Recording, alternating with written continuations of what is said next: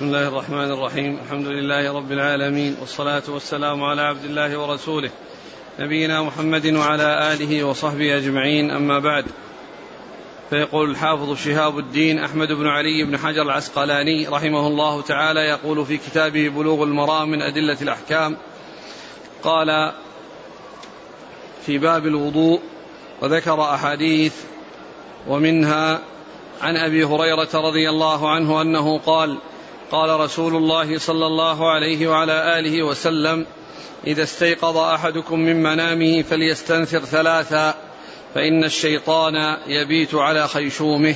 متفق عليه.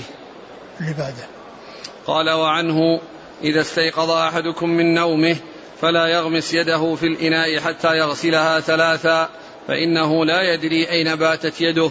متفق عليه. وهذا لفظ مسلم. بسم الله الرحمن الرحيم. الحمد لله رب العالمين وصلى الله وسلم وبارك على عبده ورسوله نبينا محمد وعلى آله وأصحابه أجمعين.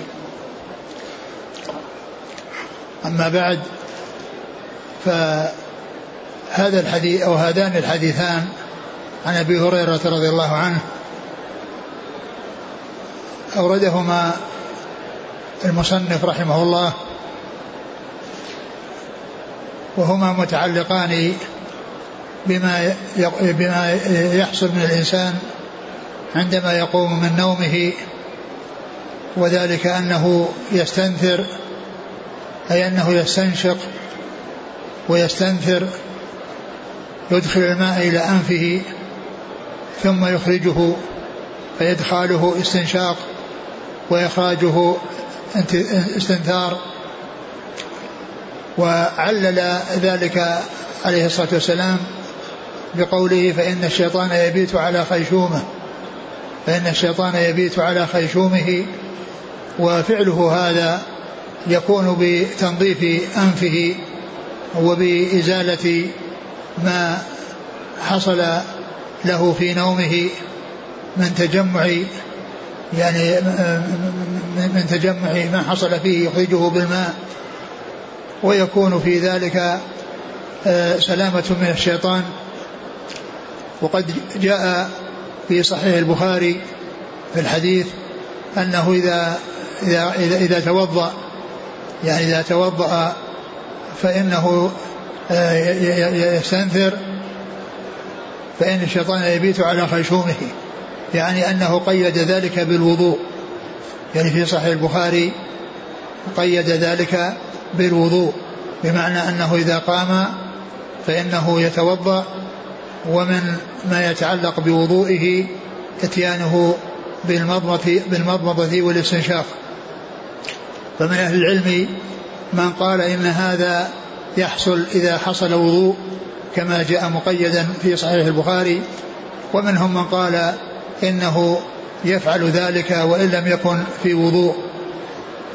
وأن وإن لم يكن في وضوء وذلك ل يعني لإزالة ما في أنفه وللسلامة من الشيطان الذي بات على خيشومه فيكون في ذلك أدعى لنشاطه وقوته وعدم كسله.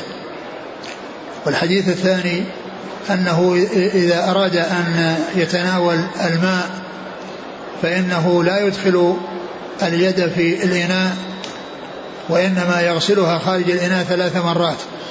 يغسلها خارج الإناء ثلاث مرات ثم بعد ذلك يتوضأ.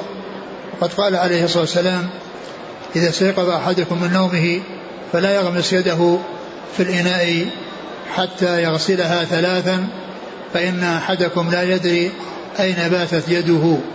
فإن أحدكم لا يدري أين باتت يده.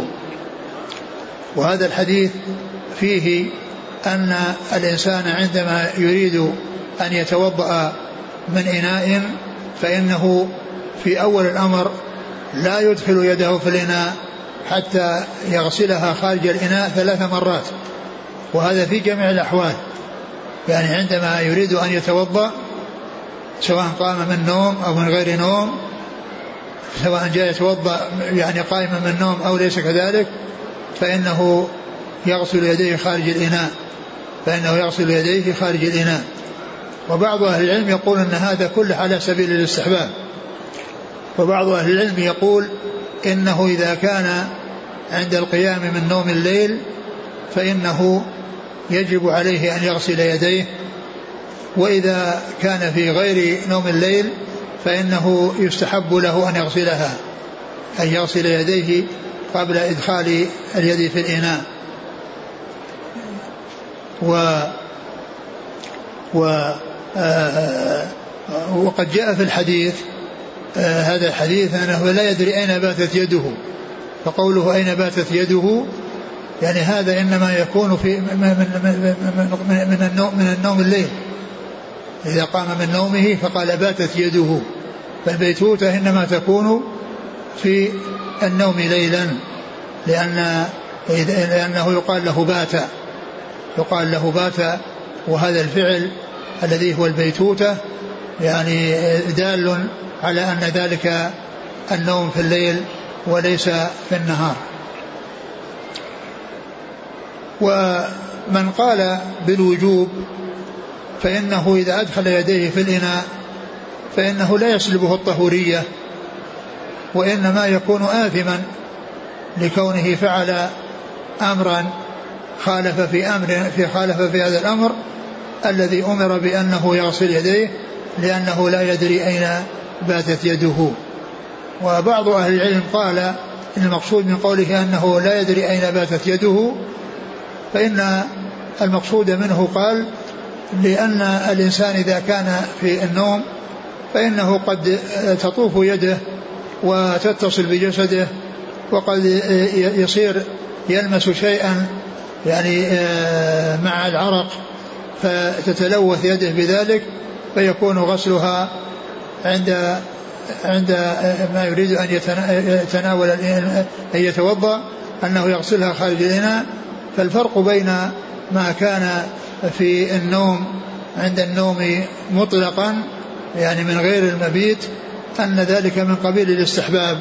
وأما هذا الذي هو بعد المبيت فإن من العلماء من قال إنه من الاستحباب ومنهم من قال إنه للوجوب لكنه مع كونه واجبا لا يعني يؤثر على الماء لو غمس يده فيه ولا يسلبه الطهورية بل هو طاهر ويتطهر به وإنما يحصل له الإثم للمخالفة يعني في ذلك.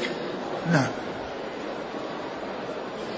وعن لقيط بن صبرة رضي الله عنه أنه قال قال رسول الله صلى الله عليه وسلم أسبغ الوضوء. وخلل بين الأصابع وبالغ في الاستنشاق إلا أن تكون صائما. أخرجه الأربعة وصححه ابن خزيمة ولأبي داود في رواية إذا توضأت فمضمض. ثم ذكر هذا الحديث عن لقيط بن صبر رضي الله عنه أن النبي صلى الله عليه وسلم قال له أسبغ الوضوء وخلل بين الأصابع وبالغ في الاستنشاق إلا أن تكون صائما. إلا أن تكون صائما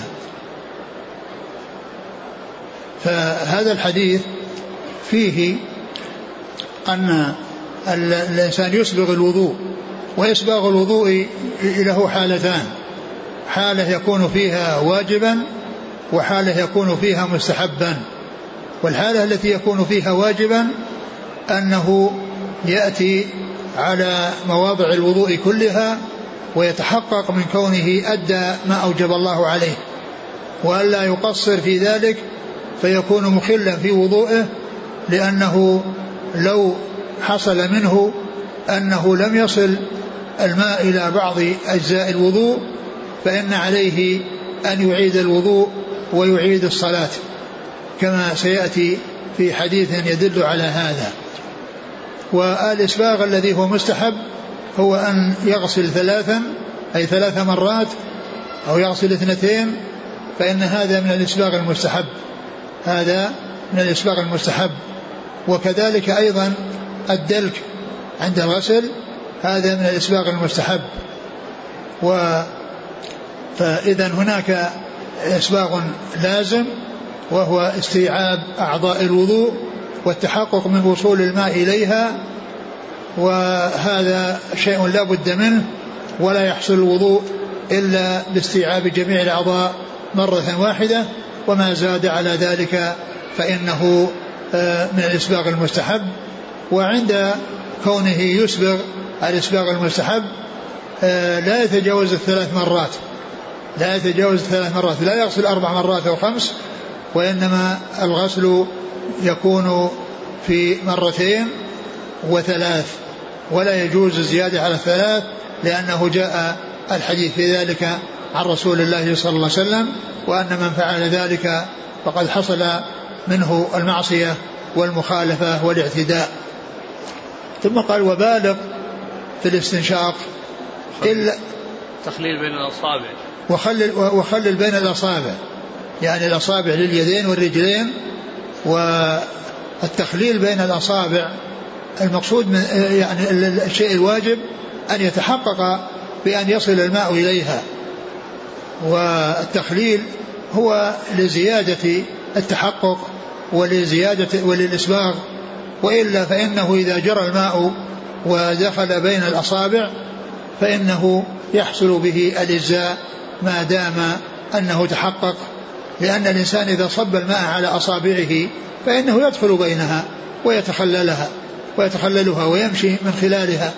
لكن إذا خلله خلل بالإصبع فإن ذلك من الإسباغ المستحب. ثم قال وبالغ في الاستنشاق. وبالغ في الاستنشاق إلا أن تكون صائما. يبالغ في الاستنشاق الذي هو جذب الماء إلى داخل الأنف يعني يعتني به ويجذبه بقوة إلى الداخل حتى ينظف ما كان داخل الخيشوم و إلا أن يكون صائما فإنه لا يفعل ذلك لئلا يذهب الماء إلى جوفه لئلا يذهب الماء إلى جوفه وهو صائم لأن الماء يعني الأنف من المنافذ التي يعني يصل آه، الشيء من طريقه إلى الجوف. يصل الشيء من طريقه إلى الجوف فنهي الصائم عن المبالغة. ومعنى ذلك أن غير الصائم يبالغ في جذب الماء إلى داخل أنفه ومعلوم أنه يستنثره يعني يخرجه لا يبقيه لأن المقصود إدخال الماء الطيب وإخراجه بعد أن يختلط بالقذر الذي يكون في داخل أنفه. فالصائم ليس له أن يعني ليس له أن يبالغ لئلا يصل الماء إلى جوفه وغير الصائم آه، هو الذي قد أمر بذلك. وأرشد إلى ذلك. نعم. ولأبي داود في رواية إذا توضأت فمضمض. ولأبي داود في رواية إذا توضأت فمضمض يعني جمع بين المضمضة والاستنشاق. يعني معناه يستنشق ويتمضمض ويستنشق. لأن هذه الرواية فيها ذكر الاستنشاق والمبالغة فيه والرواية الثانية فيها ذكر المضمضة.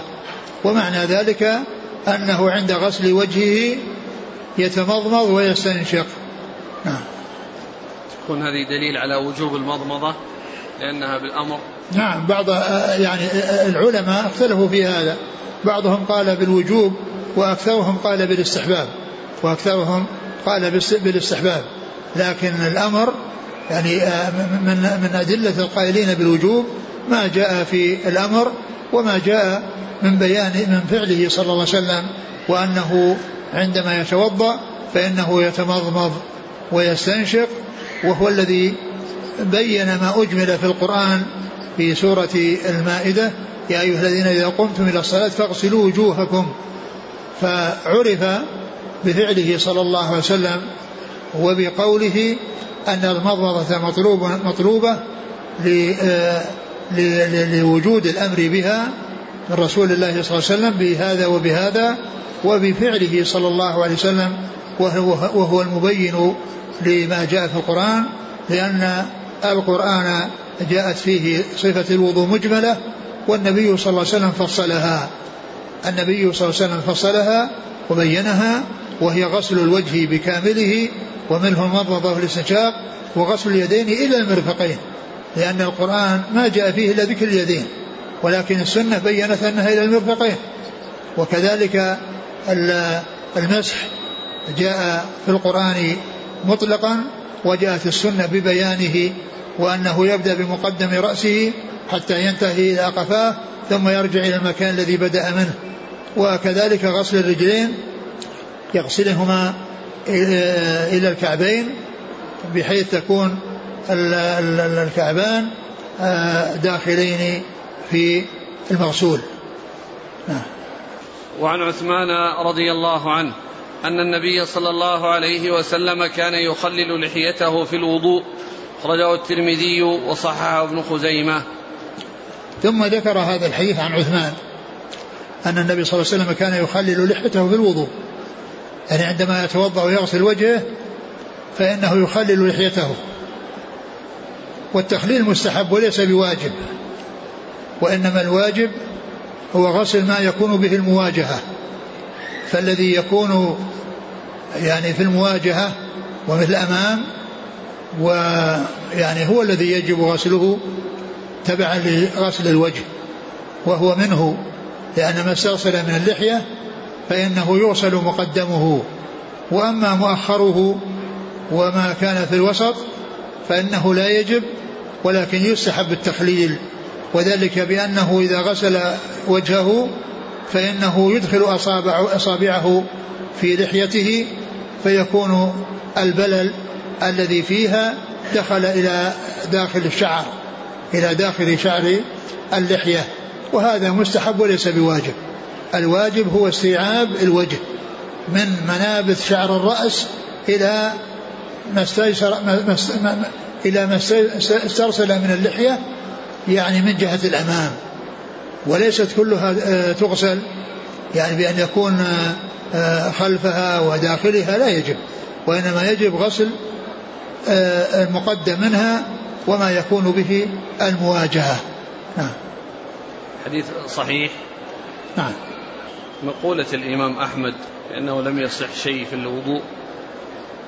روي عن الإمام أحمد أنه قال لم يصح في اللحية حديث. لا هو الحديث يعني صح إما صحيح أو حسن ولكنه مستحب. يمكن على أساس أنه ما ما اطلع على شيء من هذا على على شيء في ذلك.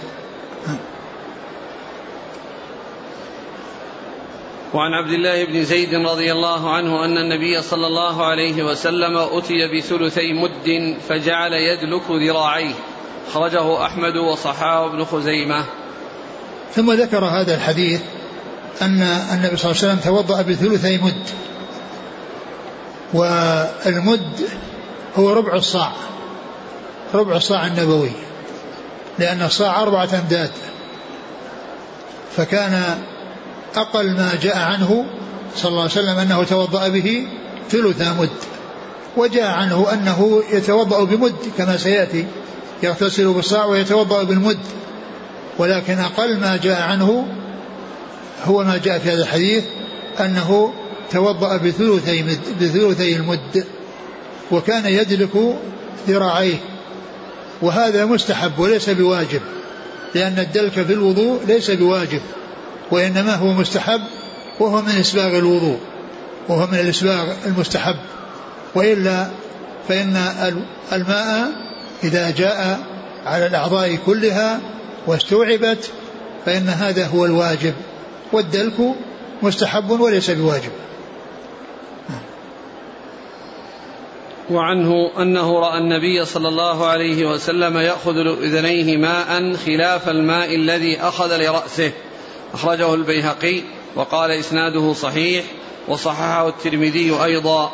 وهو عند مسلم من هذا الوجه بلفظ ومسح برأسه بماء غير فضل يديه وهو المحفوظ. هذا الحديث يعني فيه أنه مسح رأسه بماء غير فضل بغير فضل يديه يعني في في غسل غسل اليدين اللي قبل ذلك. لأن هذا الحديث في صحيح مسلم أن الإنسان عندما يتوضأ فإنه يأخذ ماء يمسح به ولا يكفي أنه غسل يديه ويديه مبللة بغسل اليدين بل كان يأخذ ماء غير الذي في يديه بسبب غسل اليدين. لأن الإنسان يغسل يده اليمنى يعني لا ويدخل فيها الذراع المرفق ويدخل يغسل اليسرى كذلك. وعندما يريد أن يغسل رأسه يأخذ ماء يعني يمسح به ولا يكتفي بالبلل الذي في يديه من غسل من غسل يديه إلى المرفقين لا يكفي يكفي في ذلك. وجاء في آه، الرواية الأولى أنه كان يأخذ ماء لفضل لأذنيه. لأذنيه يعني غير آه، الرأس. وقد جاء ما يدل على أن الإنسان له يعني أن يأخذ ماء جديدا لأذنيه وله أن يكتفي بالبلل الذي كان في يديه من رأسه أنه كان في يديه من رأسه. والحديث هذا الذي فيه هذا فيه كلام وأما الذي في صحيح مسلم فهو يتعلق بمسح الرأس وأنه يأخذ له ماء غير الذي كان في يديه من البلل من أجل غسل يديه. وأما فيما يتعلق بالأذنين فله أن يمسحهما بماء الرأس وهذا هو الذي جاء كثيرا فيه الروايات وله أن يمسح آآ آآ يمسحهما بماء جديد. نعم. لكن لو فعل أنه مسح رأسه ببقية البلل الذي بيده يصح وضوءه؟ الذي يبدو أنه يصح. إذا كان أن فيها بلل كافي يصح. لأنه وجد البلل أو وجد المسح. لكن السنة جاءت بأنه يأخذ ماء لرأسه غير البلل الذي في يده وعن أبي هريرة رضي الله عنه أنه قال سمعت رسول الله صلى الله عليه وعلى آله وسلم يقول إن أمتي يأتون يوم القيامة غرا محجلين من أثر الوضوء فمن استطاع منكم أن يطيل غرته فليفعل متفق عليه واللفظ لمسلم. ثم ذكر هذا الحديث عن أبي هريرة رضي الله عنه. أن النبي صلى الله عليه وسلم قال إن أمتي يدعون يوم القيامة غرا محجلين من أثر الوضوء. فمن استطاع أن يطيل غرته فليفعل. آه، قوله صلى الله عليه وسلم إن أمتي يدعون يوم القيامة يعني غرا محجلين. أمته صلى الله عليه وسلم أمتان. أمة دعوة وأمة إجابة. أمة دعوة وأمة إجابة. فكل ما يأتي ذكر الأمة من ذكر أحكام وذكر أمور تتعلق بها من خصائص وغيرها فإنه يراد بها أمة الإجابة. أما أمة الدعوة فهم جميع الإنس والجن من حين بعثته صلى الله عليه وسلم إلى قيام الساعة. هؤلاء هم أمة الدعوة لأنه مبعوث إلى العالمين. إلى الثقلين الجن والإنس فكل إنسي وجني من حين بعثته صلى الله عليه وسلم إلى قيام الساعة فهو من أمة محمد صلى الله عليه وسلم أمة الدعوة أي أنه مدعو للدخول في هذا الدين ومن لم يدخل به فإنه يكون كافرا من أهل النار ولا يكفيه أن يقول إنه تابع لموسى أو لعيسى عليهم الصلاة والسلام. لا يكفي اليهود أن يقولوا أنهم أتباع موسى وأن النصارى أتباع عيسى ولا يؤمنون بمحمد صلى الله عليه وسلم لأن من كفر برسول واحد فقد فهو كافر بجميع الرسل. فهو كافر بجميع الرسل. ولهذا جاء في الحديث الصحيح الذي رواه مسلم في صحيحه وهو قوله عليه الصلاة والسلام والذي نفسي بيده لا يسمع بي أحد من هذه الأمة. يهودي ولا نصراني ثم لا يؤمن بالذي جئت به إلا كان من أصحاب النار. والذي نفسي بيده لا يسمع بي أحد من هذه الأمة يهودي ولا نصراني ثم لا يؤمن بالذي جئت به إلا كان من أصحاب النار. والحديث في صحيح مسلم. وقد وجاء أيضا في الحديث عن النبي صلى الله عليه وسلم قال لو كان موسى حيا ما وسعه الا اتباعي الرسول الكريم موسى الذي يعني يقول اليهود إنهم أتباعه قال لو لو كان عنه قال عنه الرسول صلى الله عليه وسلم لو كان موسى حيا ما وسع اتباعي وأما عيسى الذي يقول النصارى إنهم أتباعه فإنه إذا نزل من السماء يحكم بشريعة محمد صلى الله عليه وسلم. يحكم بشريعة محمد عليه الصلاة والسلام ولا يحكم بالإنجيل لأن شريعة نبينا محمد صلى الله عليه وسلم نسخت جميع الشرائع. ليس هناك بعد بعثته صلى الله عليه وسلم إلا شريعته. والشرائع كلها نسخت بشريعته صلى الله عليه وسلم. وليس لأحد أن يتعبد بشيء لم يأتي به محمد عليه الصلاة والسلام لأن آه، لأن رسالته عامة للثقلين الجن والإنس فلا يسع أحد الخروج عنها. لا يسع أحد الخروج عن هذه الشريعة. بل المتعين على كل أحد أن يكون داخلا في الإسلام بعد بعثة نبينا محمد عليه الصلاة والسلام إلى قيام الساعة. إلى قيام الساعة. هذا متعين وواجب وليس لأحد أن يقول أنه يسعه الخروج عن شريعة محمد صلى الله عليه وسلم. وقد جمع آه وقد جاء في آية واحدة الجمع بين الأمتين أمة الدعوة وأمة الإجابة وذلك في قوله والله يدعو إلى دار السلام ويهدي من يشاء إلى صراط مستقيم فإن قوله والله يدعو إلى دار السلام يعني هذا أي كل المدعو إلى دار السلام. والله يدعو إلى دار السلام كل أحد. ليس أحد يدعى وأحد لا يدعى. فهذه آه، الهداية العامة التي يعني آه، هذه الدعوة العامة للناس جميعا. والهداية الخاصة تكون لمن وفقه الله للدخول في الإسلام. وذلك في قوله ويهدي من يشاء إلى صراط مستقيم فالذين هدوا إلى صراط مستقيم هؤلاء أمة الإجابة. والذين يدعون إلى الدخول في الإسلام من الجن والإنس عموما هؤلاء هم أمة الدعوة.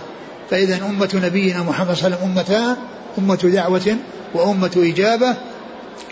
والهداية عامة وخاصة والهداية الخاصة هي من وفق للهداية للدخول في الإسلام والهداية العامة هي الدعوة إلى الإسلام.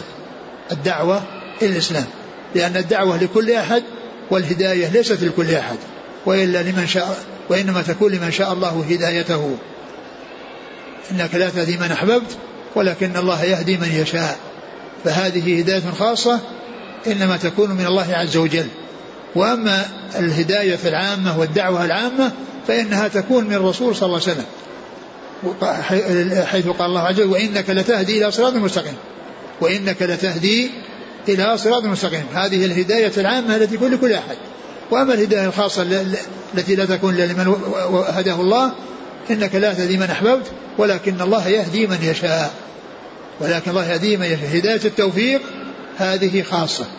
والهداية هداية الدعوة هذه عامة. إن أمتي يدعون يوم القيامة غرا محجلين أي أن هذه علاماتهم وذلك بالغرة الذي هو البياض الذي يكون في وجوههم بسبب الوضوء وكذلك يكون في أيديهم وأرجلهم بسبب غسل الأيدي والأرجل والغرة هي البياض الذي يكون في الوجه يكون في الوجه والتحجيل آه البياض الذي يكون في اليدين والرجلين وكل ذلك الوضوء لأن الإنسان يغسل يديه ورجليه فيعني يعني يكون فيهم يعني هذه العامة وفي هذا النور. وكذلك يغسل وجهه فيكون العلامة في هاتين. يعني فكما أن الفرس إذا كان يعني في غرتها بياض وفي وجهها بياض ناصع وتكون محجلة يعني بأن تكون قوائمها اليدان فيها بياض والرجلان فيها بياض فهذه علامة تميز بها الخير. فكذلك من آآ آآ هذه الأمة تتميز بهذه الغرة والتحجيل. إن أمتي يدعون يوم القيامة غرا محجلين من أثر الوضوء. أما قوله فما يستطاع أن يطيل غرته فليفعل فهذه مدرجة. يعني ليست من كلام الرسول صلى الله عليه وسلم وإنما هي من كلام أبي هريرة. والإنسان ليس له أن يتجاوز آه، محل الوضوء ويأتي بزيادة على ذلك. وإنما آه، يعني هذا اجتهاد من أبي هريرة وكلام من أبي هريرة يعني يوصي بإطالة الغرة والتحجيل و ولكن الاقتصار في غسل اليدين والرجلين إلى إدخال الكعبين في الرجلين والمرفقين في اليدين لأنه جاء في صحيح مسلم أنه يغسل يديه حتى يشرع في العضد يعني يدخل في العضد. يعني مو معنى الغاية داخلة في المغية. وكذلك الكعبان يكون داخلان في المغسول. يعني ليست الكعبان خارجين عن المغسول وليس المرفقان خارجين عن المغسول بل داخلان في المغسول. وأما هذا الذي الجملة فهي مدرجة وهي من كلام أبي هريرة لأنه جاء يعني آه، عن آه، نعيم المجمر الذي روى عن أبي هريرة أنه قال لا أدري هل هذا من كلام الرسول صلى الله عليه وسلم أو من كلام أبي هريرة. نعم. وعن عائشة رضي الله عنها أنها قالت كان النبي صلى الله عليه وعلى آله وسلم يعجبه التيمن في تنعله وترجله وطهوره وفي شأنه كله. ثم ذكر حديث حديث أبي هريرة أن النبي صلى الله عليه وسلم كان نعم. عائشة. نعم. حديث عائشة. نعم حديث عائشة رضي الله عنها أن النبي صلى الله عليه وسلم كان يعجبه التيمن في تنعله وترجله وطهوره وطهوره وفي شأنه كله وطهوره وفي شأنه كله. تنعله يعني أنه يبدأ باليمين عندما يريد أن ينتعل يبدأ باليمين. وترجله عندما يريد أن يرجل شعره فإنه يبدأ باليمين. إذا يرجل شعر رأسه فإنه يبدأ باليمين. وكذلك إذا حلق رأسه فإنه يبدأ باليمين. كما جاءت بذلك السنة عن رسول الله صلى الله عليه وسلم أنه قال للذي يعني يحلقه بعد آه بعد الحج أو في الحج بأن آه يعني يغسل أنه يحلق اليمين ثم يحلق الشمال. يعجبه التيمم في تنعله وكذلك أيضا في لباسه. عندما يلبس فإنه يبدأ باليمين. في تنعله وترجله وطهوره يعني عندما يتوضأ يبدأ بالميامن. عندما يتوضأ يبدأ بالميامن. يعني فيما يتعلق بالنسبة لليدين والرجلين. فيما يتعلق باليدين والرجلين فإنه يبدأ باليمان يبدأ باليمنى ثم اليسرى. وفي الرجلين يبدأ باليمنى ثم اليسرى. في في في, في وطهوره وفي شأنه كله. وفي شأنه كله هذا يراد به كل ما كان من باب التجميل والزينة والحسن. وأما ما كان في مقابل ذلك فإنه لا يكون فيه التيمم وإنما تستعمل فيه اليسار مثل الاستنشاق الاستنشاق والاستنجاء فإن هذا لا يكون باليمين وإنما يكون باليسار. وكذلك عند دخول عند دخول عند خروج المسجد فإنه يبدأ باليسار. وأما في الدخول فإنه يبدأ باليمين فقوله هو في شأنه كله هذا يعني عام يراد به الخصوص. يعني وهو التيمم فيما كان في الأمور المستحسنة. وأما ما كان في الأمور الأخرى التي آه، هي الاستنجاء والاستنشاق وغير ذلك من الأشياء التي وكذلك آه، آه، يعني الأشياء التي هي من من من من, من خصائص اليسار فإنها تستعمل فيها اليسار ولا يستعمل فيها اليمين وعلى هذا فهو من العام المراد به الخصوص لأنه ليس باقيا على عمومه وإنما هناك أشياء تخرج منه تستعمل فيها اليسار ولا تستعمل فيها اليمين. نعم.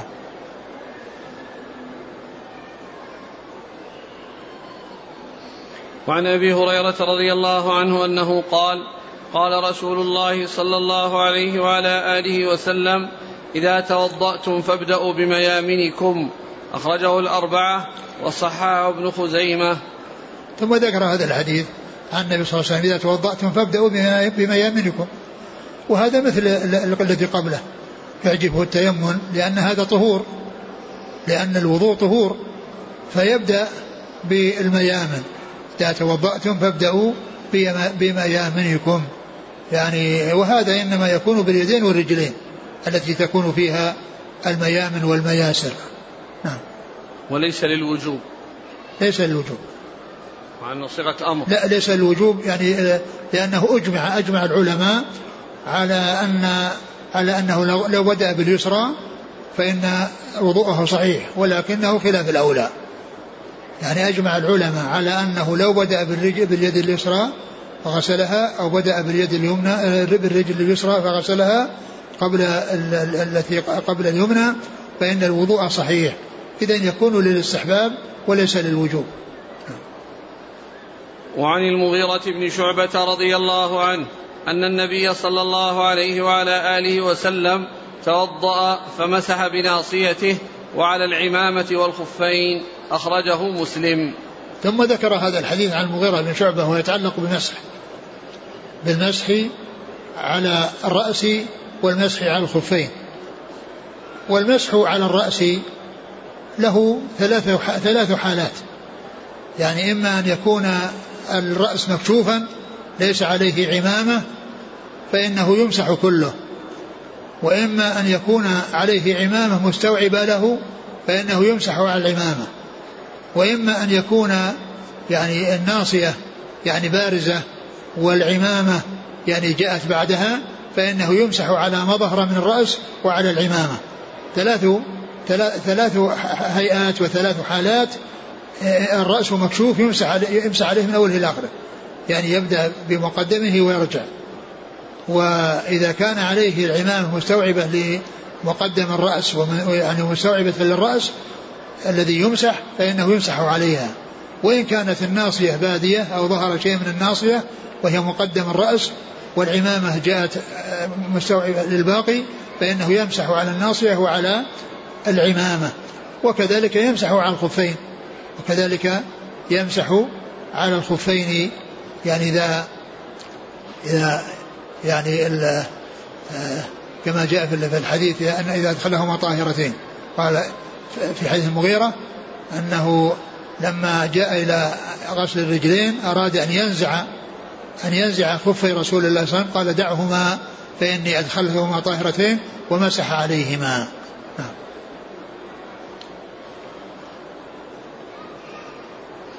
وعن جابر بن عبد الله رضي الله عنهما في صفة حج النبي صلى الله عليه وسلم قال صلى الله عليه وسلم ابدأوا بما بدأ الله به.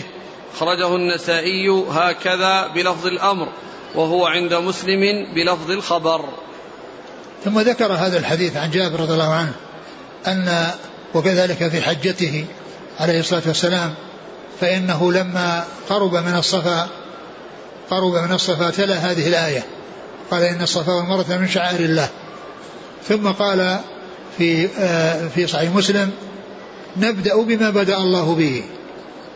وفي آه، وعند غيره ابدأوا بما بدأ الله به. يعني بصفة الأمر. وأورده هنا يعني في الوضوء بأن الإنسان يأتي بأعضاء الوضوء كما ذكرها الله عز وجل.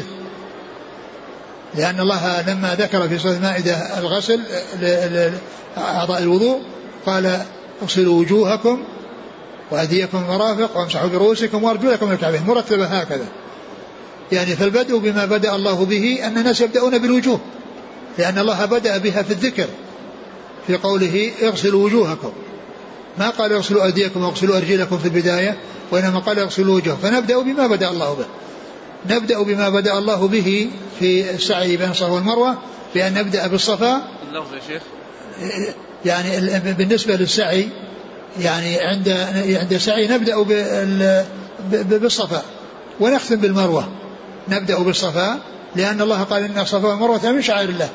ذكر الصفا مقدما على المروة. فإذا بدأ الله به ذكرا فنحن نبدأ به فعلا. بدأ الله به ذكرا فقال إن الصفا والمروة. المروة معطوفة. والصفا هو الأول بالذكر.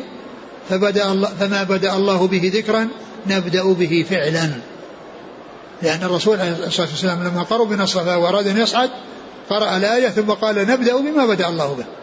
نبدأ بما بدأ الله به. واللفظ بلفظ الأمر ابدأوا بما بدأ الله به. وإرادة هنا مع أنه يتعلق بالحج لأن لأن الحديث آه، في الحج يعني فيه البدء بالصفا لأنه قدم في الذكر وهنا يقدم ال ال الوجه ثم اليدين ثم الرجلين ثم المسح ثم آه، الرأس ثم الرجلين. وهذا الترتيب ولا بد من هذا الترتيب. الترتيب لازم في الوضوء. فلا يقدم يعني آه يعني شيئا على شيء يخالف ما جاء في الآية الكريمة. والمعنى أننا نبدأ بما بدأ الله به نبدأ بالوجه ثم اليدين ثم المسح ثم الرجلين. نعم. صلى الله إليك هي ثلاث ألفاظ. ابدأوا وأبدأ ونبدأ المشهورة التي في صحيح مسلم نبدأ. أو أبدأ وهذه من خرجها؟ ابدأوا عند النسائي. عند النسائي. وأبدأ عند مسلم. أي نعم. ونبدأ عند أبي داود. نبدأ من في مسلم؟ هكذا حسب حسب كلام المحققين. هذا كلام الزيلعي. الزيلعي إيه؟ يقول هكذا. نصب الراية إيه؟ يقول اعلم أن هذا الحديث ورد بصيغة الخبر وهي أبدأ كما رواه مسلم ونبدأ كما في رواية أبي داود وإبدأوا عند النسائي. على كل هو يعني المؤدى واحد وهي أن أن الرسول بدأ بالصفا ويعني وأمته تعمل مثل ما عمل وتفعل مثل ما فعل ولهذا يشرع لهم أن يقولوا كما قال رسول الله صلى الله عليه وسلم نبدأ بما بدأ الله به عندما يتلون الآية عند الصعود إلى الصفا وذلك لأول مرة. يعني ليس في جميع الأشواط وإنما في الشوط الأول عندما يصعدون إلى الصفا ليبدأوا بالسعي يقولون نبدأ بما بدأ الله أو يقول أبدأ بما بدأ الله به. وأبدأ بما بدأ الله به. نعم. سيأتي إن شاء الله في كتاب الحج سياق حديث جابر. إيه؟ وهناك نص عليه فقال آه ثم خرج من باب الصفا إلى المروة فلما دنا من الصفا قرأ إن الصفا والمروة من شعائر الله أبدأ بما بدأ الله به فرقي الصفا. وعنه رضي الله عنه قال كان النبي صلى الله عليه وسلم الذي قاله الرسول صلى الله عليه وسلم لفظ واحد ولكن غيره بالرواية بالمعنى. غيره يكون بالرواية بالمعنى ولا شك أن ما جاء يعني في في مسلم لا شك أنه مقدم على غيره. والمقصود من ذلك أن الإنسان يعني عندما يأتي لا يقول ابدأوا بما بدأ الله به وإنما يقول أبدأ بما بدأ الله أو نبدأ بما بدأ الله به. وعنه رضي الله عنه أنه قال كان النبي صلى الله عليه وسلم إذا توضأ أدار الماء على مرفقيه أخرجه الدار قطني. كان. كان صلى الله عليه وسلم إذا توضأ أدار الماء على مرفقيه. أخرجه الدار قطني بإسناد ضعيف. ثم ذكر هذا الحديث الذي فيه أنه عندما يغسل اليدين أنه يغسل معها المرفقين وأنه يدير الماء على المرفقين بمعنى أنها موصولة وأنها داخلة في المغسول وأنها غاية داخلة في المغيى وليست خارجة عنه في الغسل بل هي داخلة فيه. وهذا الحديث ضعيف جدا وفي سنده رجل متروك والقاسم محمد بن عبد الله بن محمد بن عقيل. ولكن الحديث ولكن الحديث جاء في صحيح مسلم بلفظ آخر وهو أنه غسل يده اليمنى حتى أشرع في العضد يعني حتى دخل في العضد يعني شرع فيها.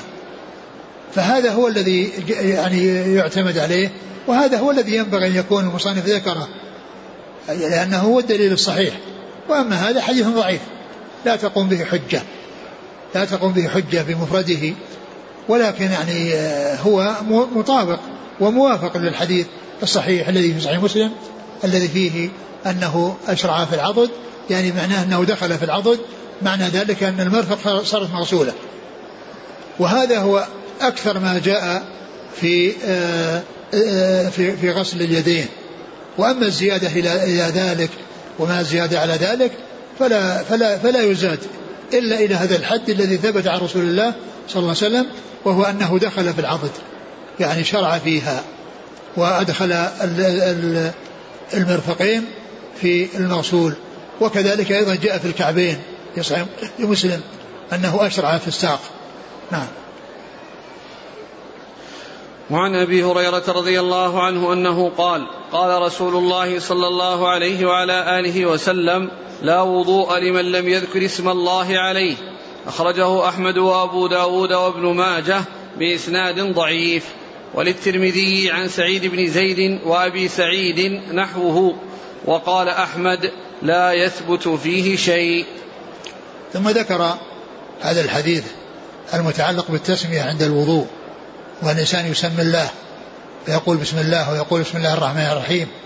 يعني عندما يبدأ بالوضوء فجاء فيه يعني آه، أحاديث من وجوه كثيرة ولكنها لا تسلم من ضعف ولكن بعضها إذا ضم إلى بعض فإنها تصح أو, أو تكون حسنة ويعمل بها ولكن مفرداتها لا تخلو من ضعف ولهذا جاء عن عدد من العلماء أنهم قالوا أنه يشد بعضها بعضا ومنهم ابن كثير في تفسيره ومنهم غيره فإنهم قالوا يشد بعضها بعضا ومعنى ذلك أنه يعمل بها.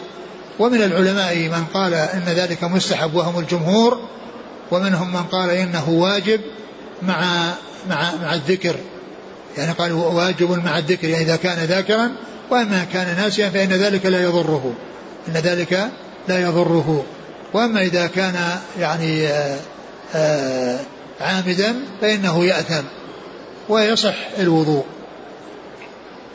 فإذا الحديث الذي ورد في هذا يعني آه، طرقه كثيرة ولا تسلم من ضعف ولكن بعضها يشد بعضا والإنسان يسمي الله عز وجل عندما يبدأ بالوضوء فإنه فإن له دعاء في أوله أي الوضوء وهو التسمية ودعاء في آخره سيأتي في آخر الباب. وأما الأدعية التي تكون في الوسط فهذه لا أصل لها. عندما يأتي لكل عضو عضو من الأعضاء يقول يعني آه، دعاء عنده فهذا لا أصل له. وأما البداية والنهاية الذي هي التسمية والدعاء عند الختام وعند النهاية فإن هذا ثابت عن رسول الله صلى الله عليه وسلم. ويؤتى بالتسمية في الأول ويؤتى بالذكر الوارد عن رسول الله صلى الله عليه وسلم في الآخر. نعم. وعن طلحة بن مصرف عن أبيه عن جده رضي الله عنه أنه قال رأيت رسول الله صلى الله عليه وعلى آله وسلم يفصل بين المضمضة والاستنشاق. أخرجه أبو داود بإسناد ضعيف. ثم ذكر هذا الحديث الذي فيه يتعلق بالمضمضة والاستنشاق وأنه يفصل بينهما أي أنه يأخذ ماء للمضمضة ثم يأخذ ماء للاستنشاق. هذا هو الفصل بينهما. يعني كل واحدة يأتي لها بماء مستقل. والثاني الذي جاءت فيه الروايات وهو أنه يعني يتمضمض ويستنشق من غرفة واحدة. يعني يأخذ الغرفة فيحط يأخذ منها بفمه ثم الباقي يذهب به إلى أنفه فيتمضمض ويستنشق من غرفة واحدة سواء كان يعني فعل مرة واحدة أو غسل ثلاث مرات أو تمضمض ثلاث مرات واستنشق ثلاث مرات فإنه يعني يأتي بكف واحدة للمضمض في الاستنشاق. معنى ذلك أنه إذا استنشق ثلاث مرات فإنه يتمضمض ويستنشق ثلاث مرات فإنه لكل مرة واحدة من المضمض والاستنشاق يكون من غرفة واحدة. وهذا الوصل يعني بينهما. والحديث الذي معنا الذي ذكره المصنف وقال إنه ضعيف هذا فيه الفصل بمعنى أنه يأخذ ماء لهذا وماء لهذا. ولا شك أن ما جاء يعني في ما يتعلق بالوصل هذا هو الذي آه، كثرت فيه الروايات لصح وأما هذا فإنه جاء عن بعض الصحابة. نعم فيجوز هذا ويجوز هذا ولكن الجمع أولى. نعم والحديث في الحديث في إسناده آه، شخصان ليث بن أبي سليم آه، ومصرف الذي هو والد طلحة. هذا مجهول وذاك يعني آه، وذاك وذاك ضعيف لأنه يعني أنه, أنه يعني حصل منه التخليط ولم يتميز حديثه قال الحافظ فاستحق الترك فإذا يعني ليس فيه رجلان يعني ضعيفان أحدهما المصرف الذي هو الطلحة والثاني ليث بن أبي سليم نعم. هنا في تعليق عن الشيخ الألباني وضعف الحديث ابن القطان والنووي وابن الصلاح وابن الملقن وابن حجر وضعفه الألباني في ضعيف سنن أبي داود. نعم. لأن فيه الرجلين الضعيفان. وعن علي رضي الله عنه في صفة الوضوء ثم تمضمض صلى الله عليه وسلم واستنثر ثلاثا يمضمض وينثر من الكف الذي يأخذ منه الماء. أخرجه أبو داود والنسائي. وهذا الحديث هو الذي فيه الجمع بين المضمضة والاستنشاق من غرفة واحدة. يعني يتمضمض ويستنشق من غرفة واحدة. يعني يأخذ كفا يأخذ منها في فمه ويتمضمض والباقي يذهب به إلى أنفه فيستنشق ويستنثر. نعم. ولكن قوله ثلاثة تمضمض إيه؟ واستنثر ثلاثا إيه؟ يمضمض وينثر من الكف الذي يأخذ منه الماء. نعم يعني هذا يعني يبدو أن كل واحدة فيها فيها كلها واحدة فيها غرفة. وعن عبد الله بن زيد رضي الله عنه في صفة الوضوء ثم أدخل صلى الله عليه وسلم يده فمضمض واستنشق من كف واحدة يفعل ذلك ثلاثا. وهذا الحديث مثل الذي قبله وهو أنه يتمضمض ويستنشق من غرفة واحدة وأنه يعني يحصل يعني وأن هذا هو من الأحاديث التي فيها الجمع بين المضمضة والاستنشاق من غرفة واحدة. يعني يعني وصل يعني بين المضمضة والاستنشاق في غرفة واحدة. وإذا تكرر فإنه يأتي بالمضمضة والاستنشاق من كل غرفة ولا يتعدى الثلاث مرات. نعم. وعن انس رضي الله عنه انه قال راى النبي صلى الله عليه وسلم رجلا وفي قدمه مثل الظفر لم يصبه الماء فقال ارجع فاحسن وضوءك. أخرجه أبو داود والنسائي.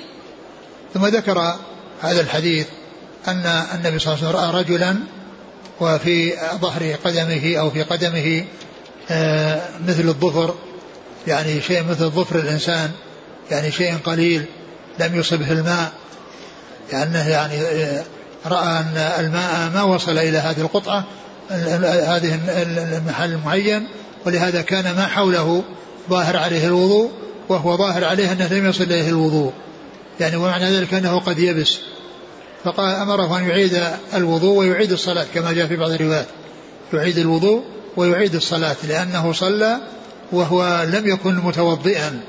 يعني معنى أنه لم يكن مستوعبا أعضاء الوضوء. فهذا يدل على أن الإنسان إذا كان لم يستوعب أعضاء الوضوء فإنه يعتبر ما توضأ حتى يكون مستوعبا لأعضاء الوضوء جميعها ولا يبقى منها شيء. فأمره بأن يعيد الوضوء والصلاة و وأمره أن يعيد الوضوء. وهذا يدل على يعني الموالاة يعني في الوضوء. لأن لأنه ما أمره بأن يغسل لأنه في رجله. وما أمره أن يغسل هذه الرجل فقط يغسل في الرجل فقط لأنه يعني لأن هذا لابد من لا, لا يعني لا يأتي إلى إلى العضو الذي يعني بعده حتى يستوعب العضو الذي قبله. يعني معناه أنه يعني لا ينتقل من عضو إلى عضو إلا وقد استوعب. فإذا حصل أنه يعني نعم لو كان إنه في أول أمر وأنه عند الوضوء يمكن إنه يعني وأنه لا يزال رجله رطبة فإنه يمكن أن يعني يغسلها أو يعني يجعل هذا يعني يحصل لكن هذا بعد ما صلى بعد ما صلى وظهر عليه يعني في هذا أمره أن يعيد الوضوء وأن يعيد الصلاة. نعم. وعنه قال كان رسول الله صلى الله عليه وسلم يتوضأ بالمد ويغتسل بالصاع إلى خمسة أمداد متفق عليه. ثم ذكر هذا الحديث أن النبي صلى الله عليه وسلم كان يتوضأ بالمد ويغتسل بالصاع إلى بالصاع إلى خمسة أمداد. إلى خمسة أمداد. وأعلى ما جاء عنه في الاغتسال ما جاء في هذا الحديث خمسة أمداد. يعني خمسة أمداد يعني صاع مد. لأن الصاع أربعة أمداد وكان يغتسل بالمد ويتوضأ بالمد ويغتسل بالصاع. وقد جاء الزيادة على الاغتسال بمد وجاء النقص عن المد في الوضوء يعني آه، إلى الثلثين كما مر في الحديث السابق. يعني كأقل ما توضأ به الرسول آه، ثلث مد. وأكثر ما اغتسل به الرسول صلى الله عليه وسلم خمسة أمداد. كما جاء في هذا الحديث ذكر قوله إلى خمسة أمداد وكما جاء في الحديث السابق أنه كان توضأ في ثلثي مد. في ثلثي مد. ويعني كان المناسب أن يكون هذا الحديث الحديثين متجاوران. أن يكون هذين الحديث متجاوران لأنهما يتعلقان بالمقدار الذي يتوضأ به ويغتسل به فإما أن يكون هذا هذا الحديث المتأخر مع الأول أو الآخر الأول يصير مع المتأخر بأن يكون بأن يكون متجاورين وأن يكون بعضهما بجوار بعض. فإذا آه، أقل ما توضأ به الرسول صلى الله عليه وسلم ثلث مد وأكثر ما اغتسل به الرسول صلى الله عليه وسلم خمسة أمداد. نعم. وهل هذه المقادير للتعيين للحصر؟ يعني لا يزيد المرء على هذا أو لبيان هديه صلى الله عليه وسلم. لا هذا الذي فعله الله وسلم. يعني المهم أنه لا يسرف ويعني يسرف في الماء ويكثر. لكن لو لكن ليس يعني المهم أن يأتي بالوضوء على وجه يستوعب جميع الأعضاء. يستوعب جميع الأعضاء بحيث لا يكون عضو منها نقصه شيء لم يصل إليه الماء. لكن لا يسرف. وعن عمر رضي الله عنه أنه قال قال رسول الله صلى الله عليه وعلى آله وسلم ما منكم من أحد يتوضأ فيسبغ الوضوء. ثم يقول أشهد أن لا إله إلا الله إلا الله وحده لا شريك له وأشهد أن محمدا عبده ورسوله إلا فتحت له أبواب الجنة أخرجه مسلم.